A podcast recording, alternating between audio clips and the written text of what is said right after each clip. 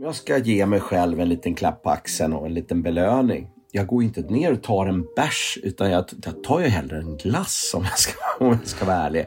Jag får ju mer, jag blir ju lyckligare av det. Eh, det är klart att ölen kan vara kul men då behöver man ha några stycken så det snurrar till lite i kolan. eh, men, men, men, en glass, du behöver inte så mycket. Kan man ta öl i kulor också eller tar man tre kulor då? Nej, men vi, jag, vi, jag körde ju faktiskt andra svängen Arvingarna var, just det, Arvingarna har faktiskt också gjort två smaker för andra svängen, andra säsongen när de kom tillbaka till, till då gjorde vi eh, Arvingarnas långburk. Oh. Alltså en Pripps blå sorbet. Hjärtligt välkomna till Våga Med-podden. Podden för dig som älskar att aktivera det inre modet och utvecklas både fysiskt och mentalt. Med mig, Mikael Wigerud. Och med mig, Benjamin von Schmuck. Vilken härlig och kul input vi har fått på vårt experiment som vi hade förra avsnittet. Tänka sig första verktyget i Våga Meras verktygslåda, en guidad meditation av vår förra gäst. Alltså den har ju fått oanade proportioner eh, det här.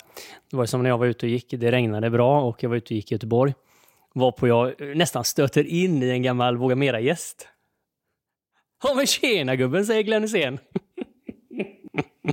Lätt förvånad så samlar jag upp mig där och säger men eh, tjena Glenn. Ah, jag har gjort den senaste meditationen, säger Glenn. Nej, aldrig i livet.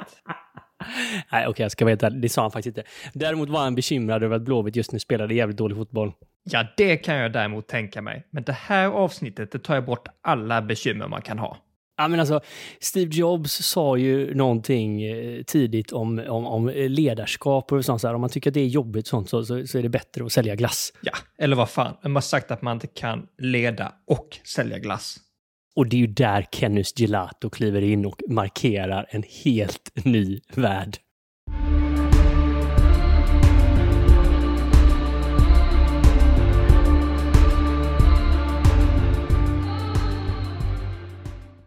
I tider då världen darrar lite grann så är det ju verkligen intressant att ställa sig frågan hur kan jag göra världen till en bättre plats? Och den här personen som vi har i studion idag är ju för alla som har sett honom väldigt karismatiskt, inspirerande, motiverande och framförallt så levererar han ju landets bästa glass. Så entreprenören och glassmästaren Kenny Mattsson och jag får säga det, Kennys Gelato. Varmt välkommen till Våga Mera-studion. Tack så mycket. eh, åh, vad det var fint. Tack. Det här kärleken till glass, har den alltid funnits där? Ja, det har den faktiskt. Eh, den har alltid funnits där från, från barnsben. Eh, och, och, lite grann sen nu, det känns lite som liksom säcken, säcken knyts ihop här. Eh, jag vet, eh, jag har rest, reste ganska mycket med eh, Martin Stenmark och Hanna Hedlund. Eh, och jag satt här, det var något, ja, några månader sedan, eller kanske något år var det. Men, men då sa just Hanna Hedlund till mig, så sa han, vet du Kenny, eh, nu förstår jag. Eh, för att alltid när vi var på nya platser, eh, det första jag gjorde när vi kom eh, med barnen, det var liksom, en, en normal funta person går ju och letar upp en bar. Men jag tog alltid liksom barnen i handen och så eh, försökte jag spotta fram det, det, liksom det bästa, eh, eller liksom ett glassställe där vi kunde käka glass. Det var liksom, var det än var någonstans så liksom lyckades jag hitta glassstället. Eh, så så då, kunde jag liksom, då kunde jag lugna, känna mig lite lugn. Då visste jag vad det var. Jag kunde få glass på semestern och eh, eh, men då, då, då var bitarna på plats. Lite så. Och det här var långt innan Kenneth Gelato hade sett eh, ljuset? Ja. Ja, gud. Här är, det är säkert... Det är nog en 15 år sedan i alla fall. Oh. Förlåt hörni. Eh, det är lugnt. Vet, vet du vem som ringer? Nej. Markoolio. du skojar! Nej, Ska du svara ringer här. Men, nej, men, men jag har ju stängt av telefonen och då ringer Aha, det på, på, ja, det är så på, roligt på, på datorn. Uh, ja, vi får väl leva med det. Men Kennys ja. Gelato som bolag är ju ganska nytt. Uh, ja. hur, hur kom det till och vad var resan till bolaget? Nej, men resan var eh, så att jag fyllde 50 år. Jag fick av min sambo en, eh, en italiensk glasskurs. Eh, en vecka, veckokurs med, med att lära mig och, och liksom tillverka italiensk glass. Och jag tänkte wow, shit vilken bra present. Eh, redan liksom på pappret så kände jag att det här var inte alls dumt. Jag kommer så väl ihåg, jag tror jag ringde Marie när jag hade tagit ut den första glassen. Alltså, jag skrek. Jag, jag blev så jävla glad eh, och, och, lite chockad över att det blev så bra. Eh, och jag, jag, jag, sa, jag ringde Marie och sa alltså det här är, det är så bra. Jag måste göra någonting av det här för att det här är, liksom kan jag få den där reaktionen som jag ändå fick så måste ju andra också kunna få den reaktionen. Ja, du fick alltså, en smak på det, eh, talangen här på något sätt alltså kursen bestod ju av att man skulle lära sig att göra italiensk gelato. Och det innebar ju att vi gjorde en jäkla massa smaker, olika smaker såklart. Sorbet och hasselnöt och pistö. Alltså allt testade vi där. Och allt som vi gjorde blev ju helt enastående. Fantastiskt! Någonting som jag egentligen inte hade liksom smakat förut och då, då har jag ju jag har ätit mycket glass ja, i mina det, dagar. Det förstod vi. Varenda semester.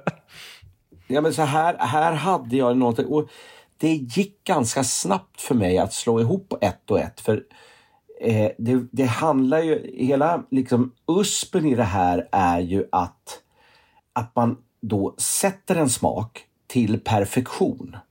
Alltså det tar en stund att göra det för du måste hitta balansen. Ska du liksom ha en citron och ingefära sorbet då måste, får det inte vara för mycket ingefära du måste hitta liksom den där, men du vill ändå känna att det är lite ingefära. Så du måste jobba med hur mycket ingefära du ska i den här glassmeten då, eller sorbetsmeten. För när man letar de här smakerna, då är man med smeten och smakar av, eller? Ja, det kan man väl säga. Det är ju ingen ja. deg direkt, utan det, det är ju... Eh, men det är lättare att förstå, för, för sen häller du ju i den, eh, den här glassmeten i glassmaskinen. Eller eh, säg det, det är liksom en glassmix då. Kanske en glassmix? Faktiskt, eh, ja, det kanske men är egentligen innan ja. den har kommit in och blivit glass och åkt i maskinen. Ja. Det är där man smakar ja. av och känner smaken, ja. balanserar, jobbar med råvarorna. Och... Yes. Sen måste du frysa eh, glassmixen för smakerna som du smakar på själva smeten är, är ju inte säkert att det blir densamma när det fryser sen. Utan, alltså, I och med att hela frysprocessen gör ju att det dels kan det ta bort lite av vissa smaker men det kan också, eh, och, och så kommer andra smaker fram. Så du måste, du får inte vara helt nöjd med, med att bara smaka på, på, på smeten och säga nu, där satt den. Utan du måste frysa den så att det blir färdig glass. K kanske dum, dum liknelse, men är, är, det liknande rom eller olika typer av alkoholer där man antingen vill värma det eller kyla det för att få fram olika typer av aromer? Ja, nej men så är det ju. Och alltså en, kyl, en kylprocess gör ju att eh, smakerna blir ju, de försvagas ju i och med frysprocessen. Så är det ju. Det är också därför man helst ska servera, man ska ju servera en gelato ungefär runt minus 14 grader. Eh, när vi tar ut, alltså våra fryser, när vi tar ut glass så är det minus 18. Och de där fyra minusgraderna, det är en ganska stor skillnad för att du får Alltså du känner ämnena eller smak, smak, smakerna på ett helt annat sätt när, när de inte är så hårt frusna. Så kan man säga. Eh, och det, och det, det är viktigt att hitta den balansen då.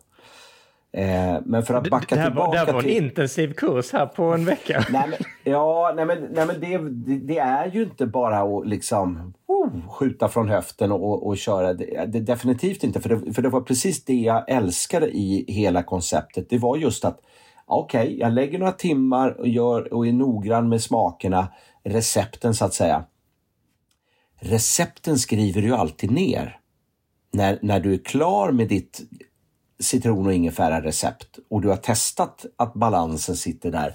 Du har fått fram den färdiga produkten och du är nöjd. Då kan du göra den glassen och det receptet i hundra år. Utan att, alltså, vem, vem, han, min son som är nio år, han skulle också kunna göra det. Bara han följer receptet. Så att det, det är ju det jag, jag kände någonstans att hmm. Och, och det blir likadant. Så fort man bara följer receptet. Men börjar man som en eh, och frifräsa som en, liksom, eh, en såskock eh, och sticka ner liksom, fingrarna och gå på känsla. Då, det, det funkar ju inte. Då, då, då, det håller ju inte i längden. Utan då är katastrofen nära. Ja, då är det, det. Så att, nej men det är väl egentligen hela, och det var det jag fastnade för faktiskt. Eh, att att eh, liksom fokusera på och, och liksom jobba fram de här olika smakerna. Eh, och liksom vara noga med att skriva ner dem, eh, recepten. Eh, till slut så har du en fantastisk bank. Jag har ju två, över 200 smaker i min receptbank. Över 200 glassmaker har jag som, som jag har gjort. Eh, sen kanske man inte... Eh, jag testade att göra ketchupglass någon gång och den, den ligger ju inte i glassdisken liksom varje dag. Men jag har gjort det. Ja, den var lite otippad faktiskt, eh, ja. ketchupglassen. Var det... Och det var, nej, men det var en liten tjej på tio år som eh, kom in och, och, hade lämnat ett brev till mig, till glassmästaren, där hon skrev att eh, hon älskade ketchup så mycket och undrade om inte jag kunde göra en ketchupglass. Det är klart! Man måste, då blev jag också nyfiken. Det är klart att man måste. Och den, alltså så äcklig blev den inte. Men, men eh, men, men det är ju intressant för barn känner ju inte betskan på samma sätt som vuxna Nej. gör. Så att de känner ju att en ketchup är väldigt söt. Medan ja. en vuxen kan tycka om ketchup för att då får man det betska också. Så att det kanske ja. var eh, liksom en homerun för alla barn den där ketchupklassen. Ja, ja nej men det, det, var, det blev ju en kul liten... Eh, och hon var ju överlycklig att hon hade fått sin ketchupglass. Men eh, så lite sådana där, det är klart man testar sig fram och gör lite olika varianter. Eh, eh, men det är kanske inte alla heller som, som funkar fullt ut.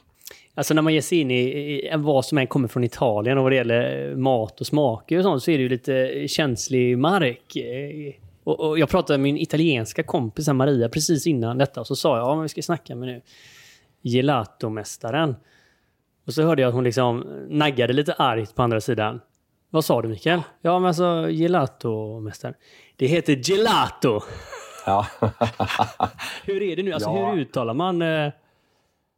Gela gelato, ja det är det väl. Men jag är ju inte alls där. Jag, eh, jag tycker att vi kan, för mig får man gärna säga glass. Och det är okej. Okay. Det, det, det, är liksom en, eh, ja, en jäkligt god glass. Eh, det bästa skulle jag säga. Alltså nå, någonstans så är det ju så, för det, det är ju många som frågar, men vad är skillnaden? Ja, alltså gelato, den, den, den italienska ursprungsprodukten, är, bygger ju på mjölk. Det är ju alltså det är mjölk och socker som är grunden. Vi har ju väldigt mycket grädde i våran glass. Men, men eh, när man började för ett antal hundra år sedan i Italien, norra Italien, då gjorde man ju glass på råmjölken. Så, och råmjölk är, den innehåller ungefär 7-8 procent fett. Så att det räckte tillsammans då med socker. Eh, och sen gjorde, så smaksatte man den med hasselnöt till exempel. Och då blir det ju, då, då har man ju hackat ner hasselnötterna till en, en hasselnötspasta. Det är mycket olja i hasselnötterna. Eh, så att det blir en sorts tjockflytande eh, liten pasta som man blandar ner i, i den här eh, glassmixen då, socker och mjölk. Eh, och för att jag ska komma upp till de här 7-8 procenten så måste jag ha ner i min glassmet lite grann grädde. För att det, det är det som är eh, perfektionen, att hitta den där balansen med alla råvaror. Eh, det är lite skummjölkspulver med i, i min glassmix, gelatomix och det är ju för att få in lite protein och lite stabilitet i glassen. Eh, det är, eh, jag har lite dextros, det är också ett sötningsmedel. Eh, och sen stabilatorer som gör så att liksom, som håller ihop glassen, man får den där strukturen på den. Det vi egentligen inte har hemma i köket när vi gör egen glass eh, med våra små glassmaskiner. Det är väl det som skiljer kanske de här. Använder du sådana köksmaskiner, eh, hobbymaskiner innan den här kursen? Då? Ja, det, det gjorde jag eh, själv hemma. Men det, det är svårt och det, det, är svårt att få till det riktigt bra, eh, tycker jag. Det var nog därför därför jag fick den reaktionen jag fick eh, på den här kursen. För att jag äntligen hade liksom... Ja men ni vet, med sin egna glassmaskin så är det klart att man har en dröm och man strävar efter att det ska bli på ett visst sätt och så blir det aldrig det. Och helt plötsligt så, så, så blev det bättre än vad jag någonsin kunde föreställa mig. Eh, och det var just en hasselnöt jag tog ut där eh, som jag, jag, testade först. Eh, och det blev precis så som jag har drömt om att kunna få göra eh, själv. Eh, eh och jag tror att det, det var nog den liksom det, ett jävla lyckorus helt enkelt, tror jag. vi, vi som kunde se ditt ansiktsuttryck när du återberättade det här insikten såg ju hur glädjen fortfarande ja. sitter i. Ja, nej men det, det, det blev så definitivt på något sätt att jag det var liksom inga frågor på att jag skulle göra, att, att jag skulle gå vidare med det här. Sen hade jag ju lite tur. Jag, jag, vi bor i Nacka i, i Tollare och jag ringde till NCC och frågade om det fanns någon lokal i närområdet som, som var ledig. Och det, allt var ju nybyggt här så, så, så väldigt mycket var, var, inte uthyrt. Eller något. Ja men det finns faktiskt en liten och den är bara på 31 kvadratmeter. Men det är perfekt sa jag. Eh, den tar jag. Så, den låg nere vid vattnet. Och det var där allting startade och jag eh, tänkte ju egentligen, jag har en dotter då, eh, hon var väl var hon 16 där, någonstans 15-16 år. Eh, när vi började det här och jag tänkte att då kan jag gå ner på morgonen och så kan jag göra lite glass och sen får hon och hennes kompisar eh, skopa glassen på dagen. Och, och jag tänkte, det, det, måste ju räcka med någon timme att jag bara gör några kantiner och fyller upp glassdisken. Men från första dagen så har det ju liksom varit, det har varit sånt jäkla tryck där nere. Så att, eh, eh, ja, det, det, det där att bara liksom vara där en timme och säga okej okay, tjejer, kör så ryker, eh, ha en bra dag. Det, det har inte fungerat, så kan jag säga. Hur var det här i startgroparna du drev eller driver fortfarande en, en del olika verksamheter? Gick det här ja. över till att bli liksom nästan heltid då under eh, säsongen? Ja, det, det, blev det väl på sätt och vis. Eh, jag har ju då, jag sitter ju och har licensen för eh, liveproduktionen med Bamse.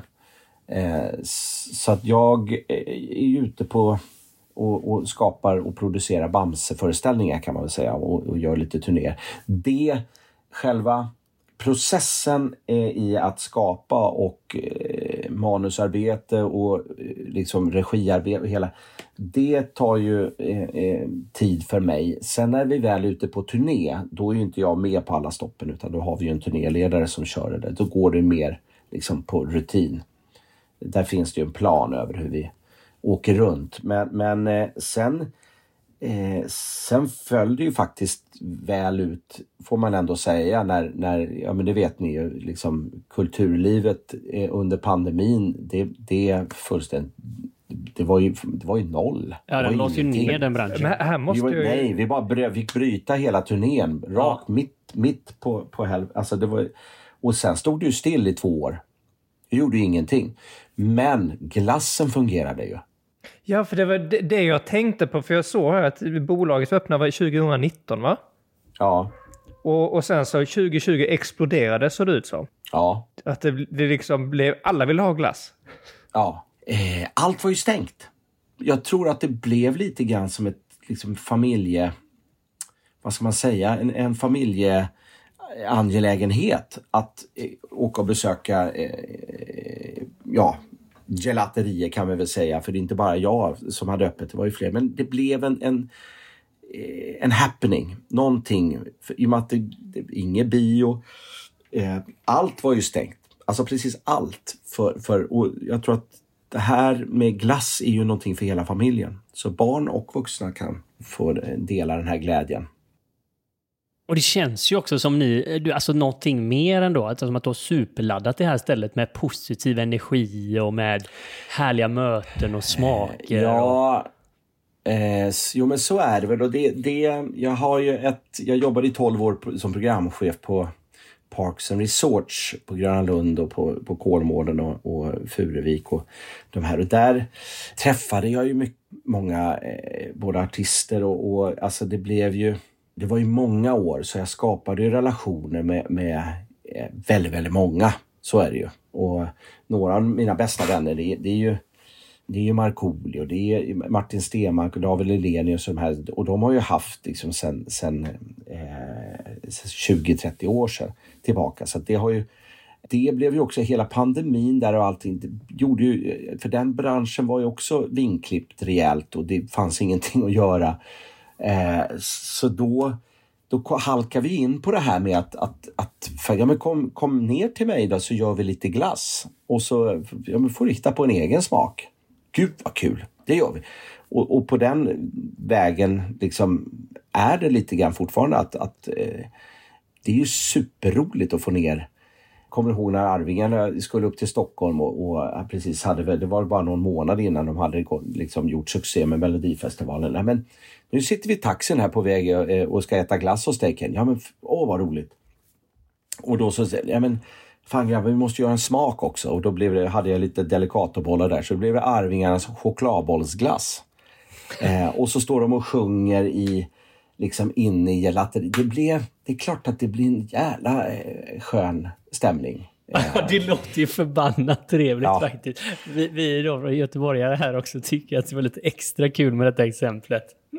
Ja, och så lite kontraster. Så en, en god, annan god vän är Anders Fridén, sångaren In Flames. Eh, han var också med och gjorde eh, en glass, In Flames Mogura. Det är ju då chili, mango och eh, eh, chili, mango och citrongräs. Jätte, jätte eh, bra. Fantastiskt god smak. Jag var inte förvånad att det var chili i den glassen faktiskt. Nej, nej, så är det. Nej, han är, han är.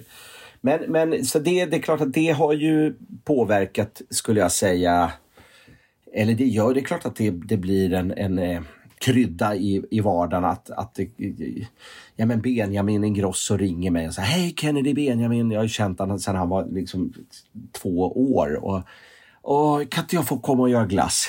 Vet du Benji? Du får komma.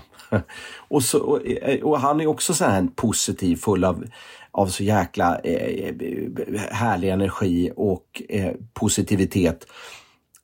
Det, det blir ju bra och det dansades och det eh, skojades och tjoades och kimmades. Så det är klart att det... Ja, jag, det, jag är väldigt, väldigt glad för, för de där eh, mina fina vänner som har kommit och, och, och, gjort sin signerade smak. Det är ju jättekul för du har lite sådana här signerade smaker på menyn. Ja, ja. Så man kan köpa Benjamins, vad gjorde han för smak? Eh, ja, han, gjorde, han är en av de få som har gjort två. Han, har, han gjorde då kanel, kanelbulle eh, gelaton och plopp. Benjamin mm. Ingrossos plopp. Eh, för det var, och det, den, den var jäklig, för han hade en idé om att när han var liten eh, la han alltid in ploppen i frysen och så tog han fram dem från frysen och så käkade han och han, det var bäst han visste. Och så testade vi att göra, liksom, då smälter vi ner plopp och så blandar vi in plopp, smält plopp i glassmeten. En, man gör en så kallad emulsion. Och det blev ju väldigt, väldigt bra kan jag säga. Riktigt bra. Alltså det vattnas lite i smakluckorna här. Ja. Nej, men, och, men också viktigt att hitta den där, hur mycket plopp ska vi ha i glassmeten då så att det funkar? Eh, för för det, det är ganska sött och är det för, för sött så blir glassen för lös. Är det för lite socker, som många frågar efter också, Åh, måste du ha så mycket socker? Ja, men då blir glassen för hård. Då blir det bara liksom som en eh, iskub. Eh, och så kan man inte heller ha det. Så att du måste hitta där, den där balansen och eh, är det mycket socker så får man kompensera och då kan man göra det med lite mjölk. Eh, det är liksom mot, motpolen till mjölk eller grädde. Eh, och då, då får man bort eller sänker sockerprocenten lite grann.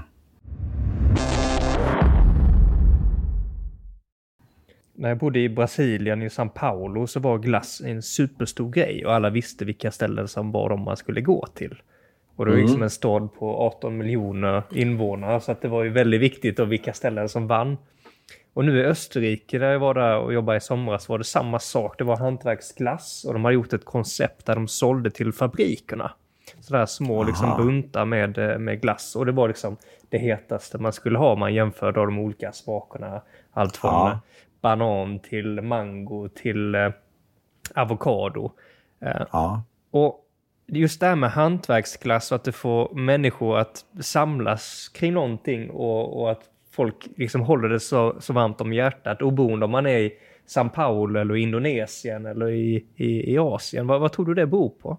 För det första, det jag har märkt, eller det jag märkte ganska tidigt rättare sagt, det är ju att, och, och som jag faktiskt blev så positivt överraskad av, det är ju att det inte, det finns ju liksom ingenting ont i glass.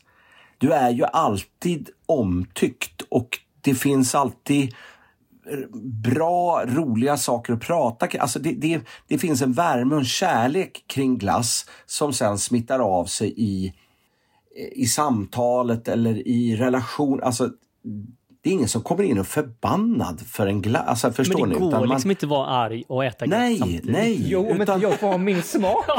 Ja, ja, e- eller om glassen är dålig. Och det det är klart att då kan man bli... Men så länge man håller sig till hantverket som du är inne på eh, så blir man ju väldigt glad och tacksam över att wow, det är ungefär som ett gott vin eller en vällagad maträtt. Det är samma sak där, eller hur? Att man wow, det här, det här, shit, här har man lagt ner lite kraft och lite energi för att få ihop den här eller skapat den här fiskrätten eller, eller liksom stekt det här köttet eller grillat köttet på det här sättet.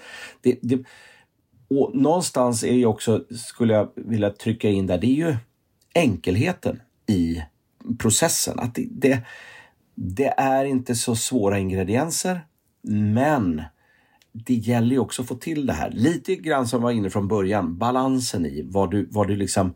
För det är ändå våra smaklökar som, som vi kittlar här. Eh, och, och det är det som får folk att komma tillbaka. Det är det som får till snackisen tror jag. Att har du varit där och prövat? Åh, jag käkade alltså de där, den där hallonsorbet på färska hallon. För det är ju någonting som händer där. Alltså, vi Ja, alla verkar ju bli... ja. Det är ju intressant att säga. Vi har gått igenom en period där kanske det har varit mest negativitet och deprimering i landet på länge.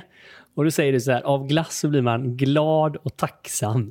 Ja, Alltså det är ganska Ja. fascinerande att få till det skiftet. Ja. Nej men, nej, men så- är det ju. Alltså, alltså, jag ska ge mig själv en liten klapp på axeln och en liten belöning. Jag går inte ner och tar en bärs utan jag, jag tar ju hellre en glass om jag, ska, om jag ska vara ärlig. Jag får ju mer, jag blir ju lyckligare av det. Eh, det är klart att ölen kan vara kul men då behöver man ha några stycken så det snurrar till lite i kolan. eh, men, men, men en glass, du behöver Kan man ta inte så öl i mycket. kulor också? Eller tar man tre kulor då? eller? Nej, men vi, jag, vi, jag körde ju faktiskt andra svängen Arvingarna var, just det, Arvingarna har faktiskt också gjort två smaker. För andra svängen, eh, andra året, ska jag säga, andra säsongen, när de kom tillbaka till, till då gjorde vi eh, Arvingarnas långburk. Alltså en Oh. Pripps blå sorbet. Så vi gjorde sorbet på, på, eh, på öl. En, folk, en folkis, en långburk. Vadå, hette den Arvingarnas långburk? Ja, Ja, det, är ju helt, det var ju bästa namnet. Ja, alltså jag må, Ja. den måste jag fråga hur, hur, hur god den var. Den är jättebra. Den är, Okej. Men den ska, det ska gärna vara lite värme på den. Alltså eh, eh, att man... Eh, ja, men det får vara en varm dag. Den är ju fräsch liksom. Eh, och det är en sorbetbas, så att den är ju vegansk. Det är inga, inga mjölkprodukter eller någonting i den. Så det är vatten och socker och sen är det lite öl och sen har jag lite lime i eh, för att liksom, få upp fräschheten i det där. Eh, och hittar en bra balans. Men de, den, den testade vi faktiskt. Den, den höll vi på lite grann med för att eh, i början tog vi för mycket öl och då blir den besk och då blir det konstigt. Då, kan du, det, det, det, då blir det bara äckligt. Eh, så då fick vi sänka eh, ölhalt, eller liksom mängden öl i och, och eh, balansera upp det och, och till slut så hittade vi rätt. Och det är ju det som är så in- kul med glass också. Det, du jämförde här innan eh, Kenny med, med att man hittar och samlas runt vin eller en god maträtt. Men glass är ju verkligen, det går ju genom alla generationer. Det går Ja, ju allting från barn till gamla och det är, det Ja. är inte så här, men om jag tar en glass nu kan ju inte jag köra bil ju. nej precis. Exakt. Det har inga Och det, bieffekter det beror eller? på om den är allt för god så kanske jag inte Arvingarnas och glass då. kanske man inte kan köra på då. Nej, men jag gjorde en, en, en eh, jag gjorde Stjärnklart med Lasse. Jag var konferencier för Stjärnklart och eh, då var Lasse Berghagen med där också. Så att, eh, och då, då så säger ju Lasse att eh, jag vill också göra en smak nu, säger han. Ja, så jag, men, men vad ska du göra då Lasse? Romrussin. Så att alla, du vet, alla har ju liksom sina... Är det det? Det är, ju så, det, är, det är ingen unge som käkar romrussin, men Lasse Berghagen, ja, och hans liksom gäng där. Ja, fast man, man käkade ju den när man var liten, för det hette ju glass. Ja, men man, man, där kanske man inte blev helt hundra glad. Eh, som Nej. liten i alla fall. Eh, då är det väl roligare att köra en Kinderägg. Jag har ju Kinderägg. Den, går ju som bara den. Smurfglass också. Eh, men om, man, om du gör en romrussin nu då, den här, gör man den med riktig sprit? Ja, nej, det, den, eh, det kan vi ju inte ha eh, tyvärr. Men det får vi ju inte i Sverige. Eh, men jag tror att det, det är nog några procent, men det, det, det, är så pass lite så det, det märks. Ja, men i Italien hade man kunnat göra den på riktigt kanske? Ja, alltså egentligen så kanske det är lite all, men, men det är så lite som går in i glassmeten. Det är väl ungefär som punschpraliner, är ni med? Ja. Det är väl lite sprit mm. i dem också, men det är väldigt, väldigt lite. Man får käka eh. väldigt många som eh, yngling om man ska känna av något. ja, det är svårt exakt. att få rus på alla din asken. Nej, men man köper ju då russin som, är, som ligger i den här romlagen. Så är det. Så att det, det, sen silar jag av den och så gör jag ju eh, smeten på själva romlagen kan man säga. Och så blandar jag i russinen i efterhand. Kul glass, ja. mycket smaker. Ja. Um, nu har det gått några år och det har varit mycket glass senaste åren. Kan det bli för mycket glass? Ja. Ja, men jag, ja alltså... Det, det, jag äter ju inte så mycket glass om jag ska vara riktigt ärlig eh, nu. Eh, jag går nog mer tillbaka. Jag kan tycka att det är lite skönt att ha några GB sandwich och något i åttan hemma. För det är sådär... Det var ett tag när man inte alls åt det för att det skulle bara vara liksom sin egna glass där. Men nu kan jag tycka att det är lite härligt att kunna plocka en sån här liten pinne emellanåt. Men, ehm. men kommer det här någonting med att du också har blivit eh, svensk mästare nu? Att du kan bli lite mer ödmjuk nu då och ta en GB sandwich? Ja, men det har jag nog alltid. Eh, eh, alltid. Men jag brukar ju skoja här i, i Tollare där jag bor. När glassbilen kommer ner för gatan och man ser grannarna eh, springa ut. Då skriker jag ifrån fönstret. Hej! Vad håller ni på med? eh, men, men på skoj då så garvar de lite. Men, det, men det är så kul för vi hade Törnström i podden. Och han sa ju det alltså, efter, efter att man har lagat så mycket mat på Michelin-krogar och även drivit krog. Ibland är det jävligt gott med en Burger King alltså.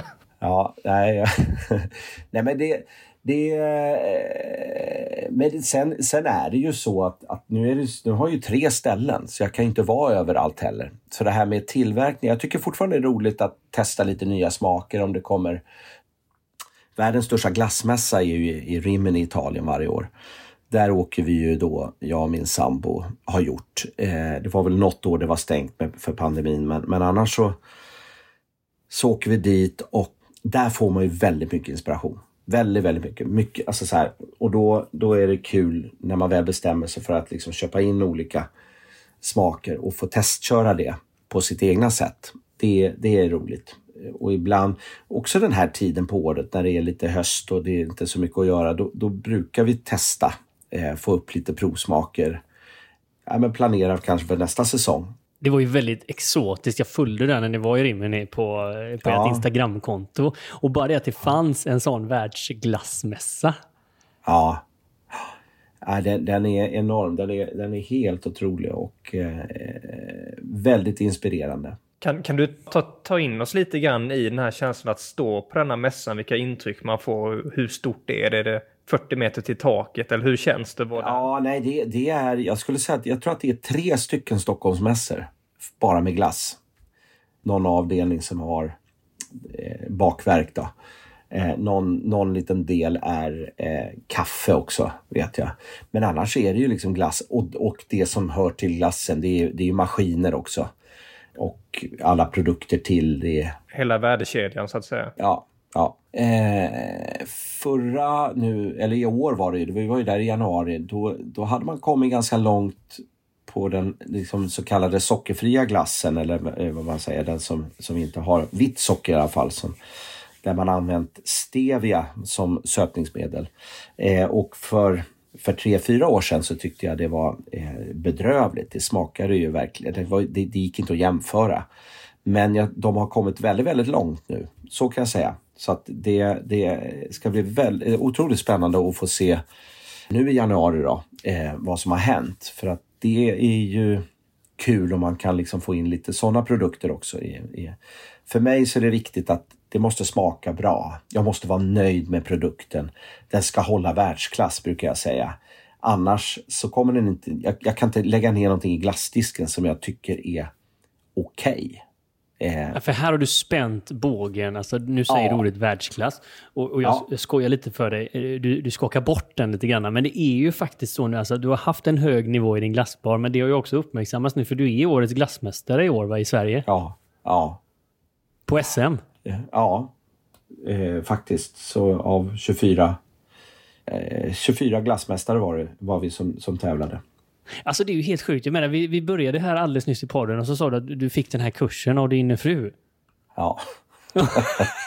och jag menar, inget av detta fanns ju för bara eh, tre år sedan. Nej, nej jag vet. Det är, tre år nu, tre butiker. Ja. Tre SM-gulder och eh, tre ja. smaker från Arvingarna. Nej, Ja, exakt. Nej, men det, det, det, det, har gått väldigt snabbt. Men jag, jag tror också det här med att man vågar slänga sig ut, att man, att man inte och att man tror på sig själv och inte är rädd för att misslyckas. För det måste man. Man måste våga misslyckas för att komma framåt. Nu har vi ju ridit lite grann på de här sjukt najsiga bitarna med att driva klass och intrycken man får. Men det är inte alltid så att allting funkar precis som, som man hade tänkt sig. Ja, såklart. Det är klart, man, eh, hela pandemin så fick man ju sig en, en funderare vad, vad Eh, hur kommer det gå och hur kommer det bli? Kommer vi behöva stänga igen och vad gör vi? Alltså så här, det, det, det, det, var ju, det var nog jobbigt för, för väldigt många men jag tror att jag ändå i och med att jag har några år på nacken eh, och är ju över 50 men jag har ju varit med en del så att det, det jag kan liksom eh, Den här gången var jag väldigt, väldigt förberedd på att inte ta på mig för, för stora kostnader. Att tänka, ja men lokalen var ändå relativt liten, kostade inte så mycket. Det hade inte gjort så mycket om det, om det, jag hade nog nästan räknat med att det skulle vara lite, att man skulle få smyga igång det här lite försiktigt och att det inte behövdes, vi behövde inte sälja så många glassar för att få det att snurra. Intentionen var inte att konkurrera ut GB hela Sverige nej, på dagen. Nej, utan det var ju mer en kul grej det här. Så, att, så att jag tror att där har man ju genom åren säkert gått på ganska stora smällar såklart. För att man inte riktigt har tänkt igenom. Så jag, jag tror, alltså sätta sig ner och verkligen fundera över hur och, och minimera, försöka minimera risken i eh, när det kommer till kostnader. Inte ta på sig, för behöver jag verkligen det här? Och kan man liksom eh, kan vi klara oss på någonting annat så länge eh, och bara se så att vi kommer igång och så vidare. Så att jag, jag, jag vet att jag jagade kostnader så in i Norden där. Eh, min mamma gick bort eh, i ALS. Jag fick ju faktiskt ett litet startkapital eh, på 400 000 i arv.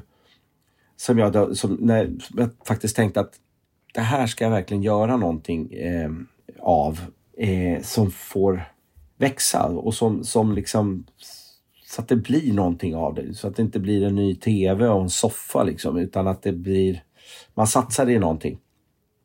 Och det, det kändes så jäkla skönt att, att, eh, att dels att ha det i ryggen för jag tror att oavsett vad du gör så måste man tänka att, att det, det, måste nog finnas ett litet kapital eh, att, att starta med. Eh, det, ing, det går inte bara att knäppa med fingrarna. Det krävs lite kapital men, men också hela den här liksom, budgetarbetet att, att se vad, vad är det som kostar då? Eh, och vara noga i det. Kan du få bukt på de fasta kostnaderna i form av, vad är fasta kostnader? Ja, men det är lokalen till exempel. Den har du där hela året. Så även på vintern när det snöar så ska hyran betalas för lokalen Du måste ha lite försäkring, du måste ha den här, de här glassmaskinerna som jag leasade då, som, som också, det är precis som en hyra, de ska också betalas, de här glassmaskinerna. Men annars så har, sen har du personal som är rörlig, alltså där man kan vara lite flexibel, där jag kanske står och jobbar lite mer då, eh, vissa dagar för att komma ner eller liksom vara, vara lite smidig där. Eh, och så råvarorna och vara noga med det och inte ha för stort lager när man, när man kommer till slutet av säsongen. Men jag tror som sagt, det är klart man ska våga. Man måste våga eh, slänga sig ut och, och ta lite chanser. Så farligt är det ju inte. Alltså det, och det, det är så här, går det åt pipan? Ja men är du väl, är du liksom, fungerar du på, på ett sunt sätt så lär du dig någonting av det. Du kommer ju en bit på vägen när man, när man får sin näsbränna. Så är det ju. För det, det låter lite grann som att, att du har lärt dig lite på vägen innan detta ja. startades. Ja, ja, men det har jag. Det, det har jag verkligen gjort. Jag, jag eh, och liksom, och jag tror att det var det som var så skönt, att det här var Eh, jag gjorde en ordentlig budget. Jag, jag tog in alla priser, jag, jag, räknade på det. Hur, mycket, hur många glassar måste jag sälja per dag för att få ihop det här? Kanske 50 glassar då, i snitt. Ja, hur, mycket, hur, mycket, hur länge måste jag ha öppet då? Och vad kostar personal? Alltså så här. Och, och jag, jag, tror att ja, men tack vare att jag gjorde det så, så kände jag mig också väldigt trygg i att slänga mig ut och våga satsa för min del så handlar det mycket om att, att, att det finns hjärta i det. det, det, det jag, jag är där, jag skapar. Det här var ingenting som bara växte fram i form av att jag tror, jag brukar säga, jag brukar säga så här, att ta ett exempel utan att kasta eh, skit på någon, men, men eh, ta till exempel bagerier. Eh, ja men gud vad bra, vi ska göra glass det, det, det är hett nu, vi ska göra gelato, det är kanon. Och så fixar de en liten hörna för, för, med, med en glassdisk. Men det finns ju ingen där som brinner för det. De har ingen glassmästare ens. Utan det ligger lite glass i disken och det, det är en ganska stor skillnad att ha någon på plats som, eh, som faktiskt eh, som har hjärtat där och som, som verkligen lever med det och, och tar eh, ja, men som älskar yrket. Eh, och jag tror att det också det, det smittar ju av sig tror jag till eh, gemene man, alltså till kunderna. De, de märker ju sånt. De ser ju att det här är på riktigt. Ja, men du sätter ju ord på något så himla fint här Kenny. Alltså, det, det, är därför som alla som har varit i kontakt med er på varken om man varit i någon av butikerna eller varit på Instagram eller något, man blir ju berörd. Inte bara av att äta glassen, man blir ju berörd av hur det här hjärtat entusiasmen, kärleken för det man gör, den strålar ju så in i bänken. Och ja. liksom, i en tid när man kanske bara pratar profit och så fort man gör ett företag så ska det bara vara lönsamhet, så säger du ändå här att fasen gör någonting med hjärtat. Ja, ja, ja, ja, det är precis det, exakt det som, som skedde nu och jag tror att det... Eh, jag var nog inte sådär heller så orolig att det inte skulle funka utan att jag gjorde det väldigt mycket för jag tyckte det var kul. Liksom. Jag, jag brann för det och, och det var, var, ju också mer, var ju mening, det här var ju bara en liten, en liten sido eh, grej egentligen. Och helt plötsligt blir det mer för det gick att göra business på hjärtat också eller? Ja, ja, nej men det här det, den är enorm och det, alltså nu står vi ju liksom lite så här, hur, hur kan man hur, hur kan man ta det här ännu längre? till Göteborg. Ja, hallå! Ja, Här sitter vi. För helvete, Kenny! Eh, jo, nej, men det, det, är mycket möjligt att vi, vi kommer liksom göra en, en liten större apparat i det här. Men, men då måste man bara vara, vara förberedd på det. Man måste ha huvud på skaft. Än en gång, även fast det här nu liksom tuffar på så får man inte heller liksom slå sig på bröstet för hårt och tro att ja, yeah, nu kör vi. Utan man måste liksom värdera varenda steg, liksom ställa sig frågan, klarar jag av det här? Eh, hur säkerställer vi kvaliteten och så vidare på, på alla de här eh, delarna. Jag, jag, kan inte hjälpa att, att sitta här och, och lyssna in till, till samtalet och bli påmind när vi hade eh, Lilla Sur med podden som är ett hantverksbageri för surdeg och de berättar liksom om hur det kom till och de här två killarna som jobbade på snusfabriken lagade så mycket bröd i källaren att de inte visste var fan brödet skulle ta vägen någonstans. Och eh, de här känslorna när de öppnade upp och de tänkte vad fan är det som, som kommer stå här? Och det var kö hela vägen fram till gatan.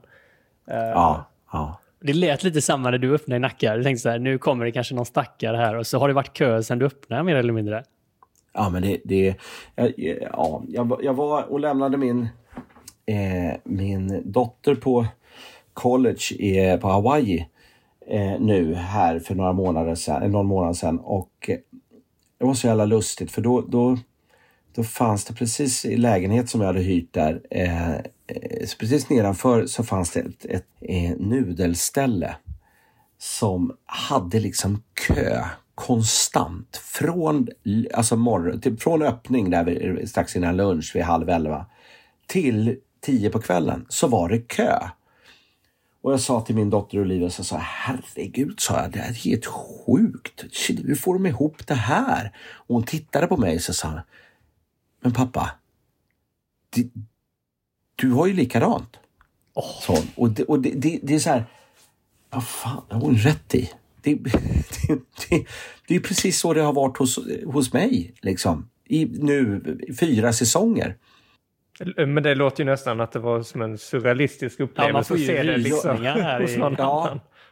Eh, sen är, det, sen är jag lite mer väderberoende och det kanske då är, har de kanske har några mer soldagar där. Oh, men alltså du behöver inte krydda ner det nu. Kan det är helt okej okay att det varit kö i fyra månader. Eller fyra ja, säsonger. Ja, ja nej, men, nej, men lite, så, lite så är det ju. Så, så länge solen skiner så, är det ju, så kommer det ju folk. Eh, och det är häftigt. Det är riktigt häftigt alltså. Ja, men, och det är så häftigt att höra det här du säger. Det är verkligen någonting vi försöker inspirera med den här podden. Att, att våga följa den här inre rösten. Ja, alltså för ja. Det är ganska ologiskt att du ska vara en, en glassmästare just nu om vi hade träffat dig för fyra år sedan. Ja. Nej, verkligen. Men när man vågar göra, alltså det är som att pusselbitar faller på plats lite. Vi hör du, du har kunnat använda misslyckanden till framgång, du har kunnat använda allt ditt glassätande. Helt plötsligt bara lira saker. Och det är ju så många där ute som går med saker på i tankarna. Man kanske går ett helt liv med något man skulle vilja göra och så hör man dig säga mm. så här, men vad tusan, lyssna på den här rösten. Var lite modig och ja. testa på något sätt. För jag menar, du har ju haft ett jobb vid sidan om samtidigt också. Ja, verkligen, verkligen. Nej, men det, det, det är... Eh, det är fantastiskt och, och vilka, liksom, vilka möten man får och, och vilka, vilka svängar det tar. Helt otroligt. Jag hade, vad det, det var också första eller andra säsongen nere i Tollare. Helt plötsligt så kommer det liksom Säpovakter in på, på, på lilla Kennys Gelato nere i Tolla. Är ni med? Det är fan en, en återvändsgränd nere i Tolla. kommer två Säpovakter in och du vet med en sån här hörselsnäcka bara kolla läget. Ja men då, då kommer ju prins Carl Philip och hela familjen och ställer sig i kö i den här coronafållan som jag har liksom. Jag, och det första, och då, jag har ju intervjuat drottningen några gånger på, på Gröna Lund när jag har stått på scenen så jag vet ju hur man säger. Så jag säger Ers Majestät, Välkomna till, eh, välkommen till Kenneth Gelato. Vad, vad, får jag lov att bjuda på? Eh, eh, säger jag då till prinsen. Och eh, då säger han Ja, vad, vad trevligt. Jag kan ta en kula Markoolios, säger Den har jag dragit till Marco. Han är väldigt stolt över det kan jag säga. Så det är lite royal status över Markoolio numera då? Ja. Det är inte alltid lätt att känna att man kan släppa taget. Och just vid en uppskalning när man går från ett ställe till tre.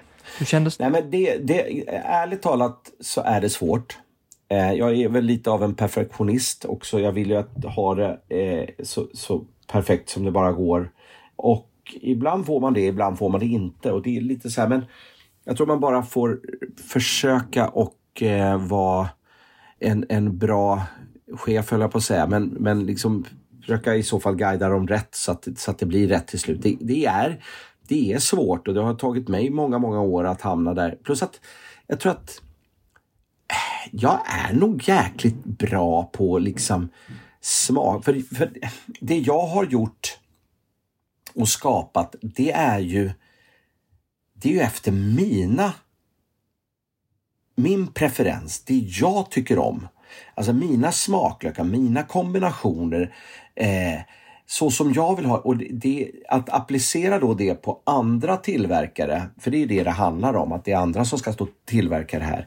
Det är inte så lätt kan jag konstatera, alltså ärligt att säga att det, det ibland kör det ihop sig. Och, men jag tror bara det finns liksom ska man, ska man göra det här, den resan som ni är inne på, att man öppnar upp fler ställen, då måste man då måste man ta det där steget och sen får man bara försöka att vara jäkligt ödmjuk och, och, och helt enkelt guida dem rätt.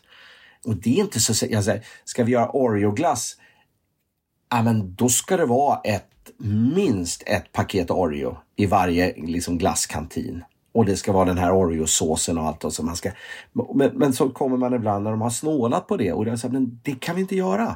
Det måste vara stora bitar med kakor i liksom hellre för mycket än för lite, men inte för mycket heller, utan det ska vara den där balansen. Yeah. Och hur, det är det som är så svårt att säga, det här är bra, så här ska och jag önskar med facit i hand att, att vi hade tagit lite mer bilder kanske. För då hade man kunnat liksom fotat varenda glass man, liksom, i en perm och så kunde man se då hur det såg ut när det, när det var klart.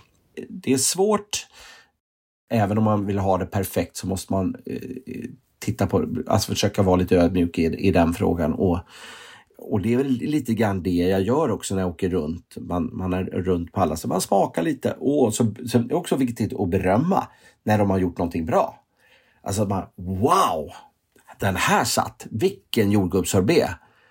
Fantastiskt! Bam! Bra balans, alltså så här. Och sen så om det är någonting som har missats, ja men hon Jo, men det var så senast som i söndags så ena tjejen hade gjort pannkaksglass. Men då hade hon glömt liksom, eh, eh, pannkaksbitarna i pannkak. Är ni med? Eh, en sån liten. Och då så sa jag, eh, för jag såg att hon hade liksom, den var med på listan, men då, då fick hon ta bort den.